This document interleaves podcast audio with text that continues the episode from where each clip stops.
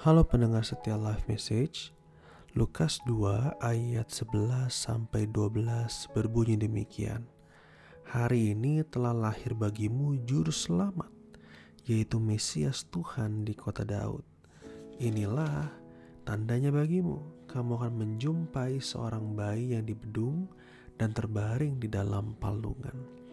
Nah Bapak Ibu Saudara, pesan Natal selalu menampilkan bagaimana kelahiran Yesus Kristus sebagai juru selamat dunia.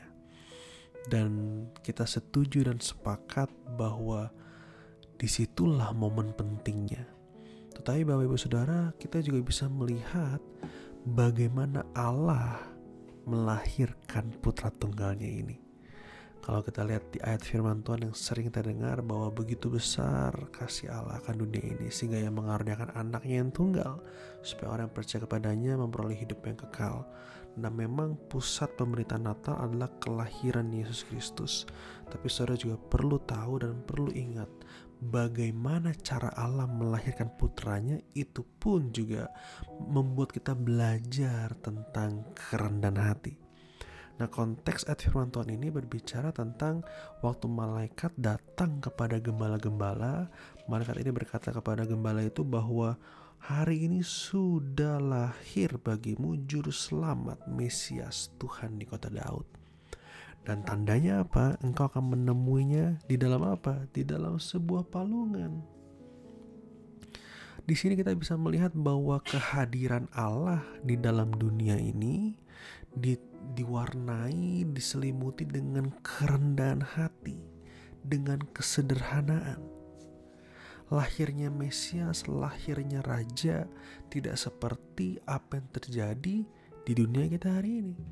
Kalau ada orang hebat, orang penting yang sedang mengalami kelahiran, pasti heboh di mana-mana. Di YouTube, di TV, di sosial media, semua heboh. Lahir putra dari Raja A, lahir dari seorang artis B. Hebat dan heboh. Tapi kalau kita melihat kelahiran Yesus yang adalah pemilik semesta ini, dialah raja kita, dia lahir di dalam kesederhanaan. Dia lahir di dalam kerendahan hati. Dia lahir sebagai mayy mungil di sebuah palungan. Dan inilah yang membuat kita belajar bahwa wow luar biasa sekali Yesus sungguh-sungguh mengosongkan dirinya. Dia tidak menganggap kesetaraan dengan Allah itu sebagai milik yang harus dipertahankan.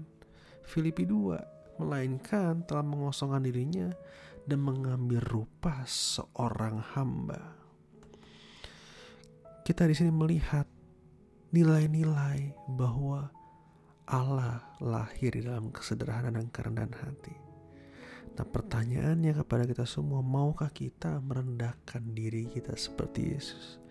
Maukah kita hidup dalam kesederhanaan seperti Yesus? Atau kita lebih memilih sebuah momen yang takjub, yang keren gitu ya. Saudara perlu tahu bahwa di dalam kesederhanaan dan di dalam kerendahan hati tidak pernah menghilangkan kemuliaan Tuhan atas bayi Yesus. Dan demikian pula di dalam kerendahan hati dan kesederhanaan kita tidak pernah menghilangkan keberhargaan kita, tidak pernah menghilangkan gambar diri Allah yang ada dalam hidup kita. Jadi Bapak Ibu Saudara, marilah kita teladani kehidupan Yesus waktu dia menjadi bayi, waktu dia datang ke dunia dalam kesederhanaan dan dalam kerendahan hati. Mari kita rendah hati dan sederhana dalam mengikut Kristus. Tuhan Yesus memberkati.